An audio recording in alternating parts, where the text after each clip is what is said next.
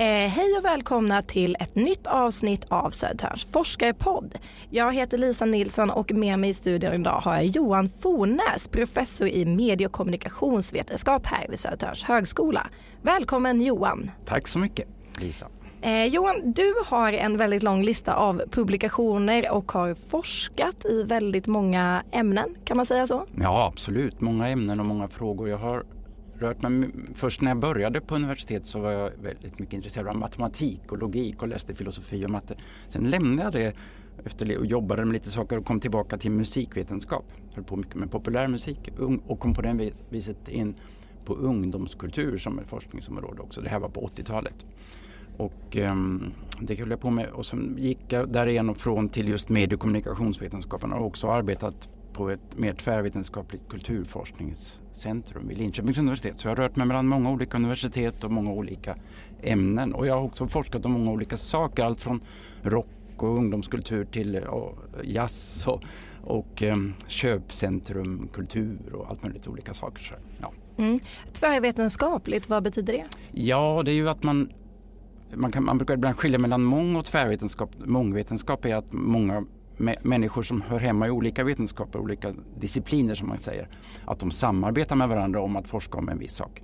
Men tvärvetenskap är lite mer än så. Då ska man också lära sig av andra ämnen och liksom kombinera själv i sin egen forskning kanske flera olika perspektiv. Som jag gör med lite alltså analysera sångtexter och romaner men också musik och och politiska pamfletter och så här, olika saker och som kanske normalt sett en ja, medieforskare, en journalistikforskare, en musikvetare eller litteraturvetare skulle titta på bara en av de här texterna och jag jobbar med det ihop. Då blir det liksom lite mer tvärvetenskapligt. Yes, och nu på senare tid så har du gått in en del och forskat om EU. Ja, Europa egentligen ja. mer kanske, fast EU är ju förstås väldigt centralt för vad Europa är idag. Men eh, Egentligen är det nog Europa som helhet, eh, även det som inte hör till EU, som har intresserat mig. Men Europas institutioner, är, bland dem är ju EU väldigt starkt. Och det här, det här hänger ihop med en gammalt intresse för att egentligen eh, har jag, jag funderat på vad som binder ihop min forskning. Jag har ju varit intresserad av kulturperspektiv på saker. Vad betyder kulturperspektiv? Ja, för mig betyder det att man tittar på meningsskapande och tolkar texter på olika sätt. Tolkar budskap eller försöker förstå saker. Eh, och eh, bland olika, jag, det var så, det var så jag, det som motiverade mig att titta på ungdomskultur till exempel. För det var också att ungdomar skapar identitet väldigt mycket. Sådana yngre människor är mer flexibla och måste experimentera med vad det innebär att vara vuxen och vad det är att vara man eller kvinna eller vit eller svart eller ja, ha olika identiteter. Och bland dessa identiteter så finns ju också eh, nationalitet kan man säga. Och mm. europeiskhet är ju en sorts identitet menar jag. Det är ett sätt att definiera vad vi står för. Vad vi, vilka är vi egentligen? Att försöka tolka, att skapa mening kring vilka som är, vad Europa är. Så, där, så därför har jag varit intresserad av det, olika sätt att tolka vad Europa är. Inte bara inte de politiska och ekonomiska institutionerna som bär upp Europa utan mer hur människor har bearbetat dem, försökt förstå dem. Vad är det som är typiskt europeiskt egentligen? Så i den här forskningen om Europa, vad var det du ville undersöka? Var det just det, den kulturella identifikationen eller vad var det du ville Ja, det var det. Jag, egentligen, jag kom in på det via att jag 2002 när eh, var i på, i Palermo och eh, på våren där och såg europengarna för första gången.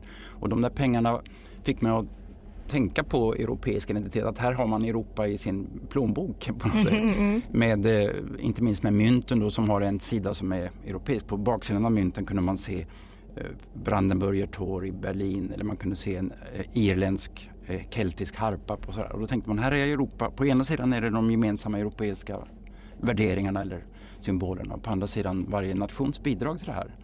Och det, då blev jag nyfiken på vad, vad står Europa för egentligen? Var, var, varför pratar vi så mycket om Europa? Vad kommer det sig att det ser ut som det gör? Ja. Mm. Men vi är ju väldigt många olika länder som tillhör Europa och EU som union också. Hur får man ihop så många länder att identifiera sig som en union eller som ett ja, område? ja, verkligen. Det är ju ett stort en stor fråga och en stor uppgift som eh, inte minst EU men också Europarådet som ju är mycket större än EU. Europarådet har väl 40, jag kommer inte ihåg, nästan 50 länder, mm. mer än 47 eller något sånt där. Eh, och EU har väl bara 28 kanske det är nu, sådär, ungefär. ja, kanske missad. det är helt okej. För det justeras ju lite grann. Snart försvinner ju ett också. Eh, men i alla fall men de har ju båda, och inte minst Europarådet har länge varit intresserade av att försöka definiera Europa på något sätt och, och uttrycka vad som är viktigt för identiteten. Och då har man använt bland annat ja, många olika saker. Man har inrättat saker som Erasmus-program och olika mm. saker för att liksom få folk att tänka europeiskt och samarbeta över gränser och sådär. Men också utvecklades efterhand ett antal symboler som man tycker är viktiga. Och det finns ju många symboler. En symbol är något sorts tecken eller någon text eller en bild eller vad som helst som, mm. som är viktigt för oss och som vi på något sätt förknippar med en identitet skulle jag vilja säga. I det här fallet europeiskhet. Så, så europeiska symboler kan ju till exempel vara Hel man har använt helgon till mm, exempel. Mm, okay. men, men, då måste man ju vara kristen eller så för att tycka att helgon är något viktigt. Så för mig Så religionen ateist, skulle kunna vara det som binder religion ihop kan också? Ju binda ihop lite grann, ja. ja. Men inte hela och det räckte inte riktigt. De europeiska gemenskaperna, liksom de, de organisationerna kom överens om att man skulle inte ha en religiös definition av Europa. Det ska inte definieras som kristet eller så för att det finns ju många olika, det ska vara neutralt, religiöst neutralt Europa. För att vi i Europa har inte alla samma religion då? Ja precis. Turkiet är ju med till exempel, i, i, inte i EU men i Europarådet. Mm. Och eh, de motsätter sig alltid att man ska ha något kristen symbolik. Men är det symbolerna som binder ihop oss då som vi kan identifiera oss till? Ja, vissa betonar det. Jag tror inte att det är så, riktigt så enkelt men jag tror symboler har en viktig roll. Viktigare kanske än vad vi ofta tror. För jag tror vi uppe här i norra Europa inte minst är en viss skepsis mot symboler. Vi tycker att ofta, många av oss, att symboler är lite fåniga som de håller på där i Sydeuropa och viftar med flaggor och mm -hmm. olika. Och vi tycker att här uppe är det mer lite vardagens grå arbete och sådär som är viktigt. Är vi lite mer milda alltså? Ja, lite mildare tror jag. Och kanske det tror att göra med något med protestantisk historia också. Att man mm. har liksom rivit ner helgonbilder och olika sådana symboler och tyckt att vardagens rationella men vad vill... Men, så det är lite olika och då kan det ju vara andra saker. Men man har pratat mycket om berättelser också. Att vi, vi identifierar Europa genom berättelser. Eller narrativ säger man på mm. forskningsspråk. Så Europa, Europe, ett, berättelse om Europa. Mm. Och då kan det, ju, det är också viktigt. Det, den, den kan ju finnas på många olika sammanhang. Men till exempel att vi tänker att Europa är en kontinent som har stått upp från olika sorts krig och inbördeskrig och väldigt mycket sådär. Mm. Det är ju en sorts berättelse att förut, från början var det vackert här i Europa och sen har det gått igenom en fas av, av kris och krig, inbördeskrig och nu håller vi på att förena oss igen och försöka komma bort från det här och lägga krigen bakom oss. Men om man ser till, om vi går tillbaka till de här med symbolerna, mm. vilka är de främsta symbolerna som knyter ihop Europa? Ja, det finns ju som sagt väldigt många och många kandidater men, men man kan se särskilt fem stycken typer av symboler som har blivit eh, officiellt erkända av olika europeiska institutioner. Och de, det var, jag, jag, tog dem, eller upptäckte dem först, eller lade märke till att det var just de här fem när jag tittade på, det var ett, um, ett förslag till nya stadgar för Europa, en konstitution för Europa som, som kom 2004, det här utkastet. Och utkastet nämner fem nyckelsymboler för Europa. Det togs bort sen, det blev när det röstades ju ner det här fördraget på vissa ställen i Nederländerna och Frankrike och sen kom det en kompromiss och där tog man, hade man tagit bort det där i det så kallade Lissabonfördraget mm. som kom 2007. Och där eh, finns de inte med men ändå så har en massa europeiska länder skrivit liksom ett tillägg till den här stadgarna, konstitutionen, att vi fortsätter ändå att hedra de här fem symbolerna mm. för vi tycker de är jätteviktiga. Inte Sverige dock, men andra länder i alla fall. Och de fem, ja det är ungefär ungefär liknande de fem som man kanske har i många olika, för varje land också. Varje mm. land har ett sånt. Så att det, det är självklara symbolen som de flesta kommer att tänka på först. Kanske kan, den som lyssnar nu kan tänka efter om ni kan komma på de här fem symbolerna. Jag skulle väl eh, gissa på framförallt en flagga då. En flagga är väl det som man först dyker upp i huvudet. Ja. För en flagga känns så tydligt som en symbol och man ser den ju. Mm. Där har ju eh, Europa den här flaggan med stjärncirkeln med 12 mm. stjärnor i en cirkel på blå botten. Och det där, den går tillbaka till 1955 redan då det antogs av Europarådet. Mm. Och sen har EU antagit det som sin flagga 1986 men det var ju Europarådet är som sagt större så att även i Norge och i Schweiz och så mm. som inte är med i EU så gäller ju den här som symbol för Europa. Och inte bara för, alltså de ingår ju i det Europa som det Men jag tyckte det var intressant där med, med flaggan för det läste jag att man har den här cirkeln av stjärnor mm. men en tom mitten som är kärna som inte har något innehåll. Ja.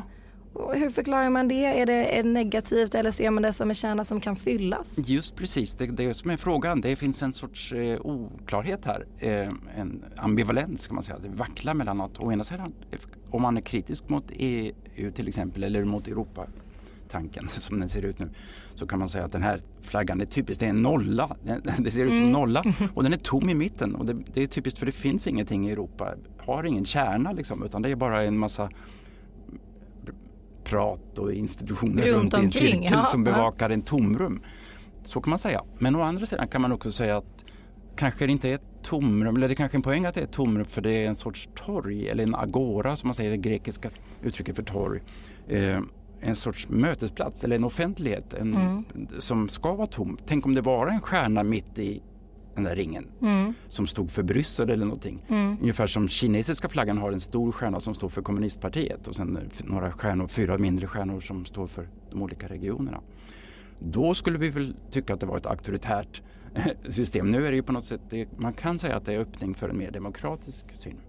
Att, att man tillsammans kan fylla tomrummet i mitten? Ja, och det har också använts. Jag har hittat lite olika roliga exempel på hur man ja, roliga roliga, men i alla fall exempel på hur man har använt flaggan och stoppat in andra symboler i mitten liksom, när det har varit samarbeten mellan Europa och Turkiet mm. till exempel. Där kan man ha en turkisk liten symbol i mitten.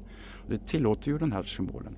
Sen kan man tycka, det finns ett problem med flaggan, eller ja, problem, eh, och det är ju att den är, om den nu ska stå för till exempel Europas folk eller Europas länder eller så, mm. de här tolv stjärnorna så är de ju likadana allihopa. Mm. Det är ju en poäng, de ska vara lika stora och ingen ska vara längre bort från mitten. Liksom. Alla ska vara lika stora för det är en sorts jämlikhets eller jämställdhetssträvan. Mm. Men nackdelen är att det finns ju inte någon mångfald riktigt med i det där så därför så så beställer man efter ett tag en annan symbol som är kallad för barcode eller vad heter det? Streckkod. Ja, streckkod ja. Mm, med olika, man tog till exempel svenska blå och gula färgen så ligger de som två linjer där någonstans i mitten. så man får med alla, alla där? Okay. Ja, alla fick man med och så blir ja. det en sorts lodrätt. Eh, ganska vacker som en trasmatta kan man säga. Ja, men när plockades den här fram? Det var i början på 2000-talet. Och hur gick det? Ja, den har man använt parallellt lite grann. Då och då dyker den upp, inte så där mycket den, den ritades av Rem Koolhaas, en, eh, en eh, holländsk arkitekt och designer som är ganska känd.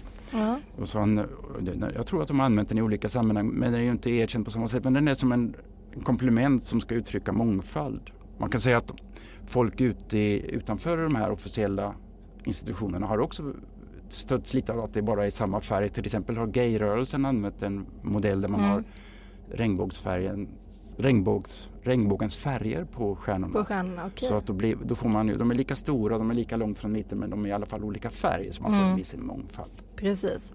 Men om man går tillbaka då, vad, vad är symbol nummer två då? Ja, vad skulle du, vad är det första du kommer att tänka på att man skulle behöva som en nation? Ja, det är ju framförallt pengar. Skulle pengar, jag säga. Ja, pengar bär ju upp mycket verkligen. Och det, jag tyckte det var intressant att läsa i den här konstitutionen för Europa, den här stadgarna, så står pengarna bara nämnda som symboler. Det står inte att pengarna är en ekonomisk eh, resurs utan mm -hmm. att pengarna är framförallt en symbol. Ja, europengarna infördes 2002 som jag sa.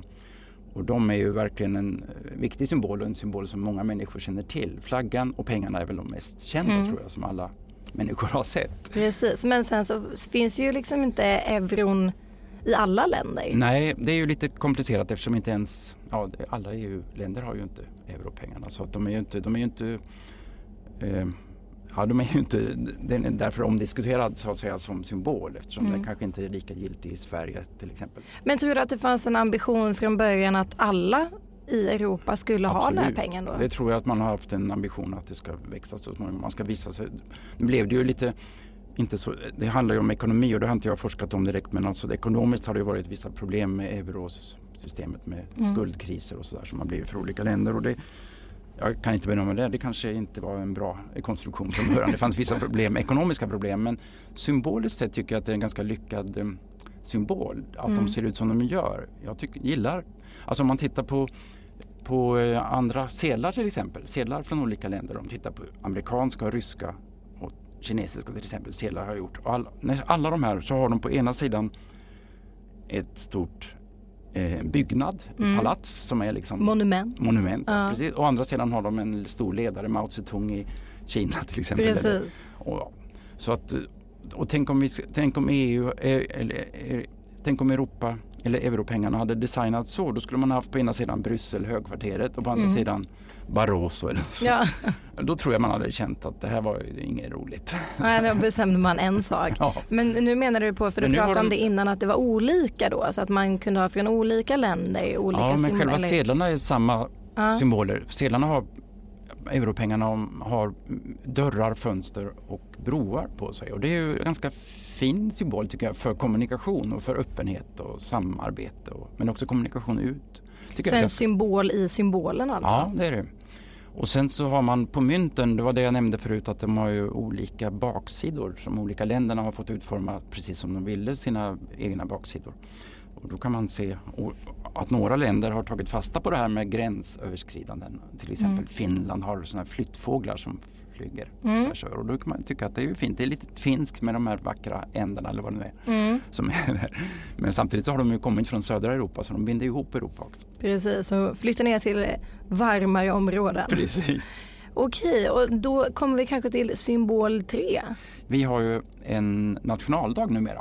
Hade vi mm. inte. För... Svenska flaggans dag hette ah. den ju ah. från början. Men sen, nu och det har Europa också. Det är nästan ingen som vet när den där nationaldagen är. Eller Nej, Europadagen. Det är på våren, det kanske man kan förstå att de vill ha det på våren. 9 maj är det. Ända sedan 1985 så har det varit en Europadag faktiskt. Och den ska fira, år 1950 så var det en fransk utrikesminister, Robert Schuman hette han, precis som tonsättaren fast det var inte samma person. Det var inte samtidigt heller. Men han höll ett tal, ett viktigt tal där han sa att vi skulle bilda ja, det här som blev kol och stålunionen som sen blev EU senare. Och tanken var att Europa hade just gått ut, det här var 1950, det var fem år efter andra världskriget. Och flera stora krig hade orsakats av att Tyskland och Frankrike särskilt hade slagits mot varandra om järn och ståltillgångar och koltillgångar. Ja, tillgångar. och de har använt ja. kol och stål också till att göra vapen. Ja. Och då skulle man, det var väldigt symboliskt laddat att då skulle man använda just de här som man kämpade om och kämpade med, använda det till att göra fredligt samarbete istället. Så det där talet, det man firar med den här 9 maj i meningen, då ska man ha olika aktiviteter och festligheter sägs det som ska föra Europa närmare sina medborgare. Och den kallas då? Ja, Europadagen. Europadagen. Och, men nu är det en ganska misslyckad dag för att det är nästan som sagt som jag sa ingen som märker att den äger rum. Nej. Det är kanske några länder som man firar det där men det har väl blivit ett flopp ganska mycket. Ja. Men nu har ju du informerat så det kanske ja, blir kanske fler som eh, börjar fira den dagen. Ja, anledningen att fira tycker jag är ganska fin ändå. Det var ju också på våren ungefär samtidigt som andra världskriget slutade mm. fast en fem år tidigare så det finns ju något fint i det där med våren. Ja. Och så har vi ju revisionsslagen, är ju, eller EU i maj också. Ja, just och det. Är inte, inte heller en slump tror jag. tror det är en vår, en ny vår mm. som ska komma. Något nytt som dagas mm. kan man ju säga. Fjärde symbolen, femte symbolen, nej fjärde, fjärde symbolen, symbolen, tar vi motto. Vi hopp, innan vi Mott. kommer mottot. Mm. Ett motto har inte Sverige men det har däremot kungen ju har ju det här. Mm. För, ja, för, vad det nu är. För, Sverige i tiden. Ja, för Sverige i tiden. Jag ja, tänkte, jag. ja. Men det. Eh, det finns ju en del som har motton, en del företag och sådär kan ha motton. Men eh, eh, Europa har ett motto som heter på svenska Förenade i mångfalden eller på engelska United in Diversity. Mm. Det låter ju rätt självklart. Om man är en union så ska man ju förena sig.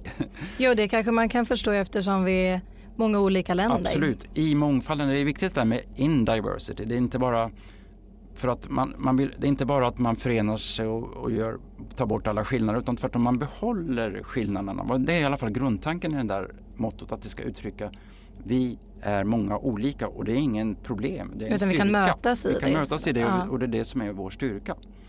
Eh, där skiljer man sig lite grann från USA har man ett motto som heter, heter, eller hade tidigare ett motto som heter E pluribus unum som betyder på latin från många blir vi ett. Liksom. Och mm. tänk, det motsvarar vad man ibland brukar kalla för smältdegel metaforen. Mm. Eller smältdegel är ju liksom att man häller i olika metaller och alla ska bli, och så ja, smälts det alla ska bli samma. Så att eh, då fanns det en ideal om att amerikaner de, de var för irländare och och östeuropeer och alla möjliga. Som, men de vill ju göra alla tillsammans. Bara, alla ska bli, här är vi bara amerikaner. Medan däremot Europa ville gå en annan väg och de betonar istället att mångfalden ska behållas och ska att ses som en styrka. styrka. Och då brukar man ibland kalla det för salladsskålsmetaforen, Ja. bilden. För en sallad, när man blandar ihop tomater och, och sallad så blir det ju inte bara någon sorts mittemellan grönsak. Nej, det blir ganska mycket gott. Ja, det blir ju, man kan fortfarande urskilja Ja, tomatbiten från salladsbiten. precis. Och det, så ska det vara i Europa. Och det är ju att jag tror det var en nödvändig förutsättning för Europa är så olika inbördes. Det finns så många olika länder och även olika folkslag inom varje land. Det är många olika språk. Det är, allting som är i Europa får ju ofta översättas till en Mm. 30 språk eller något sånt där. Ja, Och- religioner, Och religioner och absolut och traditioner av olika slag. Ja, det är Mm. väldigt stora skillnader som det gäller att eh, överbrygga på något sätt. Och då, Och ha förståelse för kanske förståelse över för- gränserna. Precis, just det. Och utbyte över gränser är, anses då liksom, eller en poäng är att man ska betona mångfalden snarare än att man ska bli lika inom den här Mm. kommunikationen. Mm. Och att man inte behöver bli lika utan man kan ha någon nytta av att vara olika. Men det här är något som kom till ändå rätt lite senare. Jag tror själva eh, det här mottot eh, bestämdes efter en tävling år 2000 bara. Så det var ganska Jaha, nytt. är väldigt nytt. Ja, det var ganska nytt. En tävling bland skolor och sådär. Så då tog de fram det där. Men de ville väl, det fanns väl säkert många som ville ha den typen av motto. Ja, nu har vi bara en symbol Ja, sista symbolen. Är det det- bästa symbolen? Ja, den är, för mig som musikvetare i botten Ja. så är den ju absolut det. För det är hymnen, eller alltså en sång av för Europa. Som man kan säga som man har nationalsånger till exempel. Absolut. Så, kan det finns, så finns det. Ville man göra en för Europa också. Det där var svårt för man tänkte mycket, folk komponerade egna Mm. små låtar som de tyckte var käcka. Ja, det här är ingenting jag har hört om Nej, faktiskt. nej. Så det, vad blev slutresultatet då? Ja, det kan man fråga sig. Slutresultatet blev att man tog en som har använts många gånger redan innan och som är ganska gammal men man arrangerar om den lite grann. Det är nämligen den het, ja, om man säger det så vet du kanske fortfarande inte vad det är för någonting. Den heter Till glädjen men om man säger Beethovens ni- nionde symfoni Ja, lite Eh, mer koll på det i så fall. Ja. Kanske, på sista satsen där så finns dyker det upp plötsligt en Först är det en massa kaos och sen kommer det en mansröst som säger Åh vänner, inte detta oljud. Nu ska vi tillsammans sjunga en, en bättre sång. Liksom. Ja, mer glädje då Med alltså? glädje, Ja. glädjefull. Och sen så kommer den där sången Freude schöner Götte funken. Ja, jag kan inte sjunga så bra. Men i alla fall. Och den, eh, den har text. Det var första gången man i en symfoni hade sång, en kör och text. Men Beethoven tyckte liksom att han ville, kunde inte få fram sitt budskap bara med musik. Han behövde ha lite text. Och så tog han en text från Schiller, en poet som hade skrivit det här redan 1785. Eh, Och Beethoven, när han skrev det här 1823, han var väldigt engagerad i europeisk eh, Europas öde sådär också. Mm. Det hade varit en, Napoleonkrigen hade varit, Napoleon hade härjat runt och han hade först stött Napoleon sen blivit kritiskt pekade sig som kejsare. Och så var det på mitten av 1810-talet, 1815 och sånt där, så var det olika förhandlingar mellan olika europeiska stormakter om fredsförhandlingar. Man Mm. skulle ha den så kallade Wienkongressen och man skulle ha, ja, komma överens då. Och då han var ju för det, han ville ha fred liksom, i Europa. Mm. Och det, så det här var en frukt tror jag av att hans intresse för Europa. Nu handlar inte sången någonting om Europa. Utan det handlar om mänskligheten, att mänskligheten ska förbrödas och förbrödras. Och så. Återigen, det här är en gammal symbol som antogs redan 18, 1972 av eh, Europarådet och av EU 85 sen. Men man hade problem med den där texten. För texten hade två problem. Liksom. De sjunger alltså glädje, eh, ni gudagnistor eh, och alla, de sjunger bland annat alla människor ska bli bröder. Mhm. Systrar skulle man kunna, väl kunna tänka sig att det borde Kan varit ju också. hoppas definitivt att det skulle finnas med. ja. fall.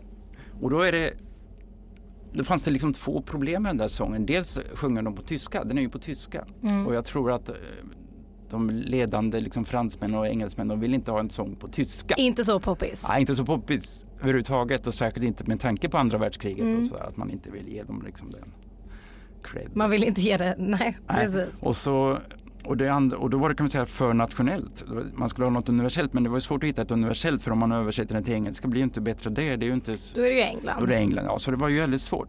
Och det andra problemet var att eh, de sjunger alla människor blir bröder. Men det var, ska ju vara Europahymn så det var för lite europeiskt. Det var ju Mm. för allmänt liksom. Alla, då är det ju inte Europahymn. Nej. Jaha, då kom de på att de skulle ha den utan ord. Så man ska inte sjunga, man ska sjunga den men utan ord. Hur det går till. Man ska Ja. Humma den kanske. Eh, nynna. Nynna. Ja. Men då ska han ändå uttrycka då, de ideal som finns i Europa om fred och solidaritet och frihet och sådär. Tänker man, så bara för vad att han blev med slutresultatet? Ja, det var att man lät eh, Karajan, en, en tysk dirigent, arrangera en version som är lite, egentligen ganska mycket tråkigare än om man hör den på Beethoven. För Beethoven har en viss svung i den, den går rätt så lite fort och den är en sorts musiken är inspirerad av franska revolutionssånger från, mm. från franska revolutionen. Så den har lite sån här kampaktigt. Så Marseillaise? Ja, lite, ja. ja precis. Okay. Eh, men däremot när Karajan gjorde om den så blev den mer långsam och släpig, lite mer hymnaktig, skulle bli lite mer allvarlig så okay. tanken. Men skulle du säga att den här låten är en hiss eller en diss då? I slutändan? Ja, ja i slutändan misslyckat. Misslyckat, okej. Okay. Tycker jag. Eh, det var en bra ambition, det var bra att välja Beethoven men man skulle ha haft kanske någon annan som arrangerar gjort den lite roligare, intressantare. Mm. Och sen kanske inte slängt bort texten riktigt heller. När kan man säga att Europa egentligen föddes? Ja, går det att säga det? Nej, det går inte att säga. Själva namnet Europa är ju, Europa är ju en av de få kontinenter som har namn efter någon mytisk gestalt. För det fanns en prinsessa som, det fanns kanske inte men men enligt mytologin? En berättelse om en prinsessa som hette Europa som fanns ungefär i Libanon idag. Det sägs att hon, eh, hon var väldigt vacker, hon var ute med sina väninnor där vid, vid havet och så såg den stora guden Zeus henne och han, han blev väldigt kär i henne som han brukade bli med olika kvinnor och här gången klädde han ut sig. Ja det känner vi igen idag ja. också. Eh, det är lite metoo över det här faktiskt. ja. eh, för att han klädde i alla fall ut sig till en vit tjur, väldigt vacker och mjuk och Ståtlig. Ståtlig tjur. Och sen så flörtade han med henne där och hon tyckte han var jättefin och satte sig på, skulle rida på honom. Så tog han med, plötsligt stack iväg över vattnet till, Cyp- äh, till äh, vad säger Kreta. Jag? Kreta naturligtvis. Ja. ja Kreta. Eh, och där bildade de den minoiska dynastin liksom, tillsammans. De fick tre de fick söner och så här, barn med, med varandra. Gud, människa och djur. Det är lite egendomligt. Väldigt intressant blandning att gå från tjur till människa sen också. Mm. Men eh, hur såg Europa på det här? Var det här av vilja eller fann hon någon lycka i att eh, vara med Zeus? Ja, det är ju, man kan tolka det på olika sätt och har väl gjort det genom åren. Det är inte, den här myten, det är ju en myt så den är ju uppkommen kanske någon gång ett hundratal år före Kristus där, men, och har nedtecknats i olika varianter. Men det är ju en myt så det är ju inte, man, men man kan tolka det på olika sätt för man kan ju se det som ett ja, metoo som en våldtäkt. Att han tar med sig henne, han tvingar henne där och hon har bortrövad från sin familj och sådär.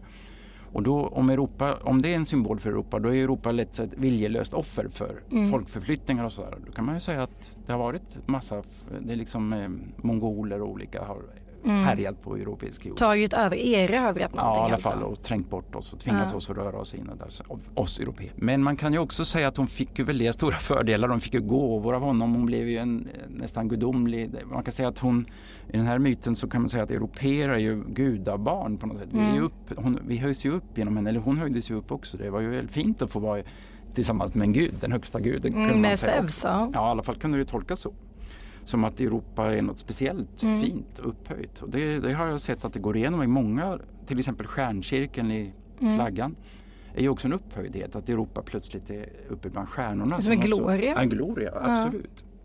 Ja. Men eh, för att jag läste lite om eh, Europa och tjuren ja. och där eh, pratas också om att man har tagit bort Europa och liksom framförallt lyft upp tjuren. Ja, det, i vissa sammanhang har man gjort det. Bland annat på visum. Om man, några studenter här kanske har sådana här uppehålls...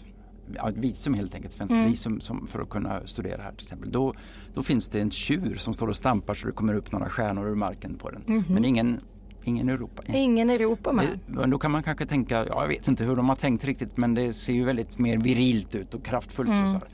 Men, ehm, och då ehm, kanske de tänker att Europa Europa. Det är de här studenterna som är i Europa som ska föras till Europa av den där tjuren. Okay, jag vet ja, inte riktigt. Intressant tolkning. Men Johan, hur ser man på Europa nu? För jag menar efter Brexit så är ju inte Storbritannien med Nej. längre i EU framförallt då. Mm, eh, ja. Mm. ja, och jag menar i svenska politiken idag så är det ju vissa partier som är intresserade av att gå ur EU. Ja. Eh, hur ser man liksom, börjar vi tappa identifikationen till Europa och till EU? Vill vi bli egna länder och nationer istället? Eh, jag tror inte det. Det finns väl hela tiden. Jag, jag, tror att det hela tiden har funnits en sån där spänning mellan, alltså för att, mellan det gemensamma europeiska och så olika särintressen nationellt och sådär. Jag tror inte det direkt är nytt. Hela Europaprojektet så länge det har ägt rum liksom, har pendlat eller haft problem med det där att få med alla och sådär.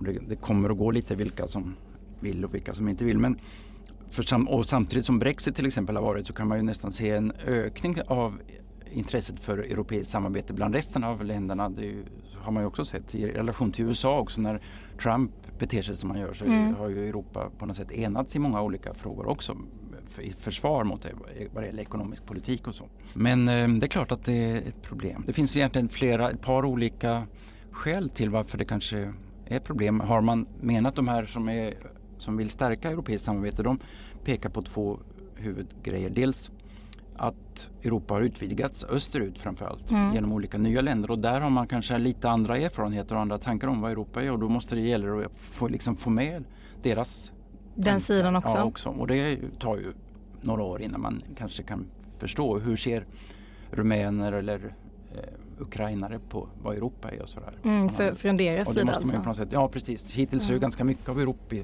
europeiska symboler och så har ju kommit från västra Europa. Mm. Men, och sen, eh, men sen är det också det här med att det är unga generationer. Mm. För det kanske knyter an till att för de som var med på andra världskriget eller, och sådär så har ju så var det ganska givet att man efter en sånt här krig säger man aldrig mer vill man ha ett sånt här. Nu måste vi samarbeta. Mm. Men om man är ung, yngre människa född långt efteråt och inte har upplevt som jag, kanske. som du, mm. tänker jag. Så, eh, så kanske inte det är lika stark drivkraft att man ska Stå enade på samma sätt? Nej, för man tänker kanske att ja, krig i Europa, det har vi ju aldrig haft. Det, kan jag, det har jag aldrig hört talas om. nej, inte riktigt så. Men, Lite illa hade det varit ja, så fall. Då efterlyste en del europeiska ledare att man skulle eh, skaffa nya berättelser om ett nytt narrativ för Europa. Pratar mm. man om. Men det lustiga var att när man sen försökte få fram det så blev det ungefär samma berättelse i alla fall. Jag urskiljer en sorts grundberättelse för Europa som, är, som man tror är speciellt för Europa och annorlunda än än Amerika eller Asien och Afrika. Och det är den här återuppståndelsens berättelse. Det, den går ut på att för länge sedan så var Europa väldigt stort och fint. Vi mm. uppfann mm. filosofi, konst, musik, allting kommer från Europa liksom.